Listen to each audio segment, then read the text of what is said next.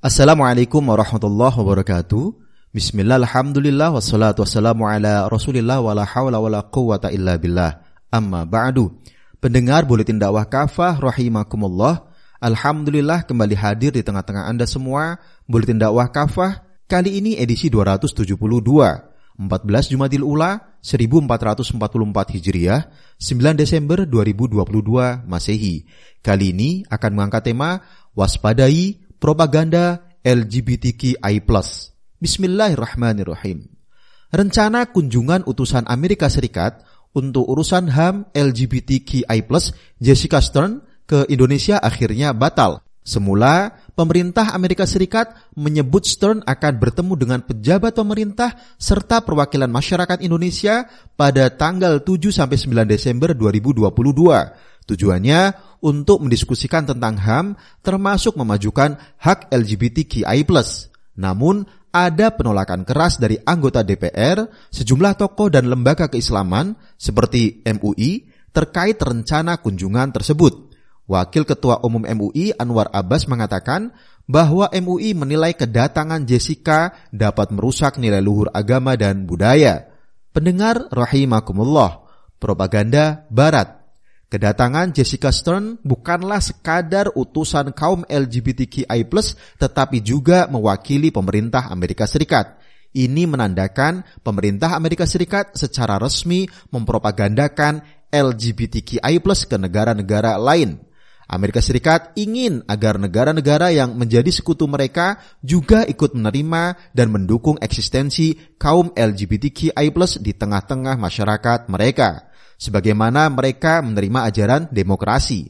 Hal ini tercermin dari pernyataan Duta Besar Amerika Serikat Sung Kim bahwa tujuan dialog dengan para pemimpin agama, pejabat pemerintah dan anggota masyarakat adalah untuk memastikan penghormatan terhadap hak asasi manusia LGBTQI+, Sung Kim juga menyatakan bahwa dialog yang sedianya akan digelar karena kedua negara sama-sama menjunjung tinggi nilai-nilai demokrasi, HAM, keragaman, dan toleransi.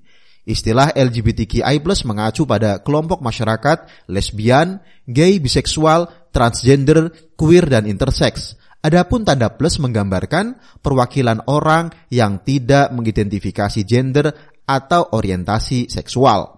Pemerintah Amerika Serikat sendiri secara resmi telah menerima eksistensi kaum LGBTQI+. Amerika Serikat juga telah mengakui pernikahan sejenis di semua negara bagian pada bulan Juni 2015. Pada bulan Juli 2022, DPR Amerika Serikat juga telah menyetujui rancangan undang-undang yang melindungi pernikahan sesama jenis.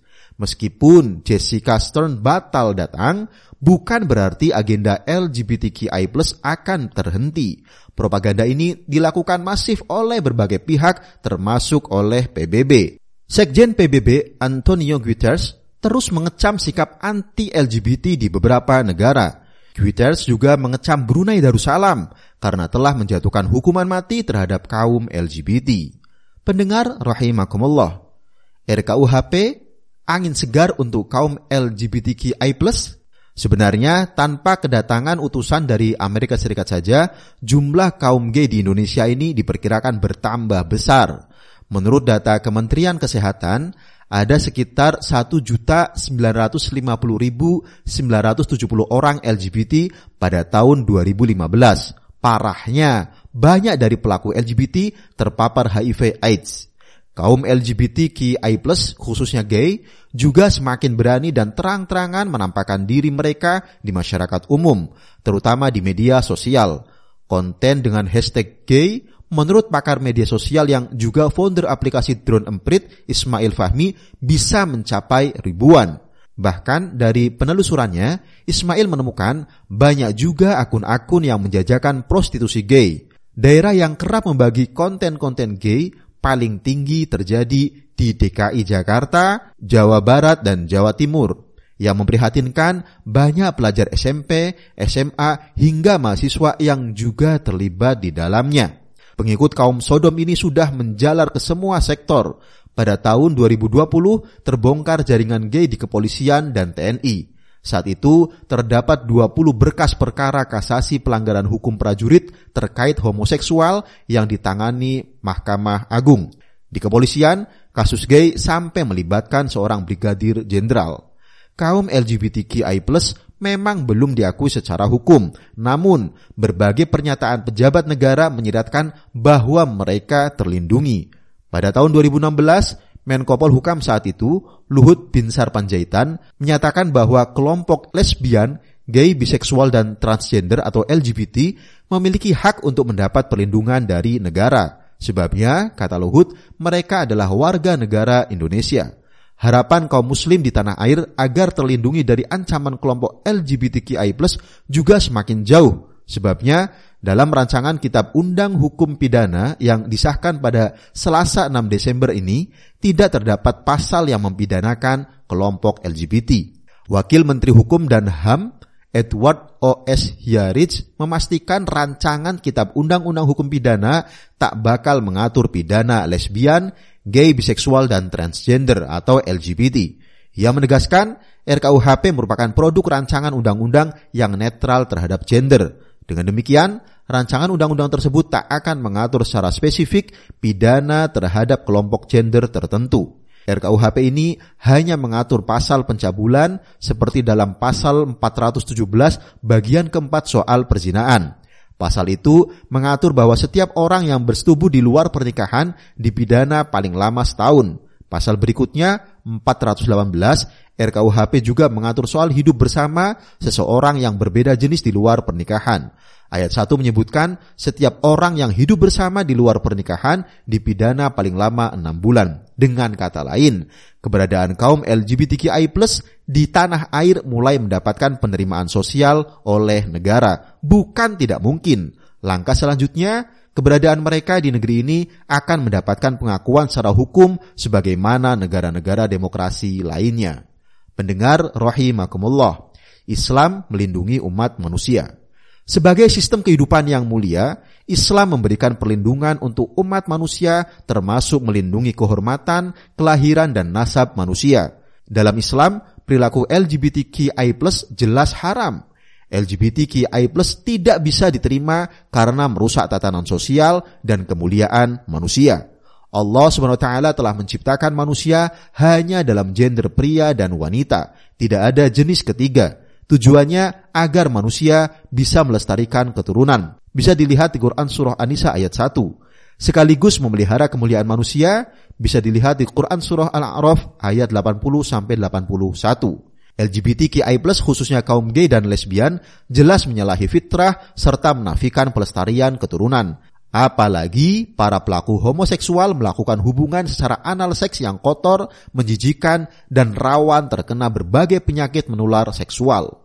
Perilaku homoseksual menjadi pembawa bencana penularan HIV atau AIDS. Situs Reuters pada tahun 2018 menyebutkan bahwa lelaki dengan pasangan sejenis berisiko 28 kali lebih besar tertular HIV dibandingkan pria heteroseksual. Centers for Disease Control and Prevention yang bermarkas di Amerika Serikat melaporkan lebih dari separuh lelaki gay dan biseksual atau sekitar 648.500 orang pada tahun 2016 terinfeksi HIV atau AIDS. Inilah di antara kemodorotan sebagai akibat kemaksiatan kaum gay di muka bumi. Oleh karena itu, Islam mendidik umat agar tidak jatuh dalam gaya hidup LGBTQI+. Islam melarang lelaki berpenampilan perempuan seperti waria atau transgender. Nabi Shallallahu Alaihi Wasallam bersabda, "La'ana Rasulullah Shallallahu Alaihi Wasallam al-mutasyabbihina minar rijali bin nisa'i wal mutasyabbihati minan nisa'i bir rijal." Rasulullah Shallallahu Alaihi Wasallam telah melaknat laki-laki yang menyerupai wanita dan wanita yang menyerupai laki-laki. Hadis riwayat Al Bukhari. Dalam Islam, negara juga akan menjatuhkan sanksi pengasingan bagi lelaki yang menjadi waria.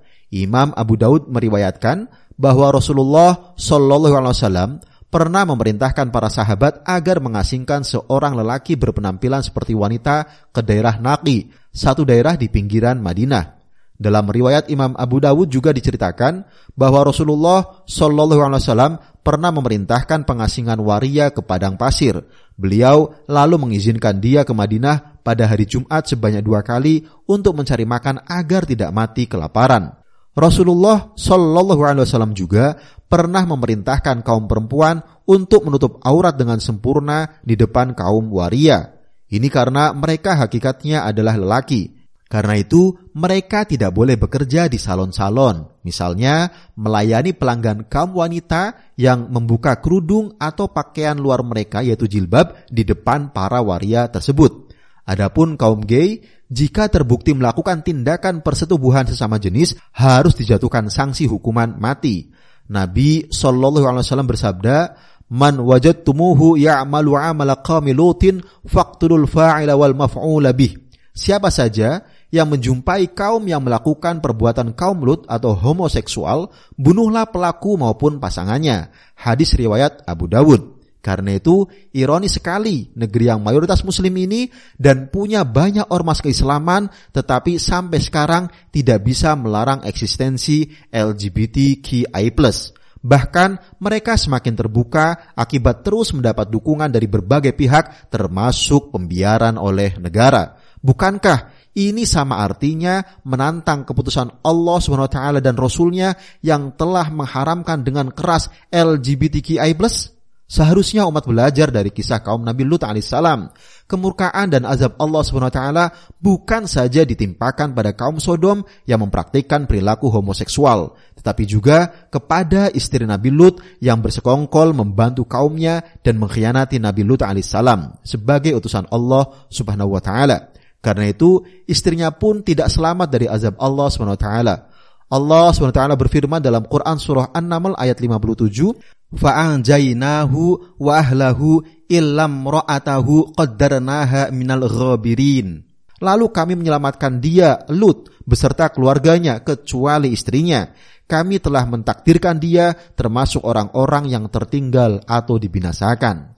Alhasil, jika kaum muslim mengharapkan negeri ini bersih dari bencana dan kerusakan yang dilakukan kaum LGBTQI ini, satu-satunya jalan adalah kembali pada syariah Islam, bukan yang lain. Wallahu alam biswab. Demikian materi buletin dakwah kafah edisi 272 waspadai propaganda LGBTQI+. Terima kasih. Wassalamualaikum warahmatullahi wabarakatuh.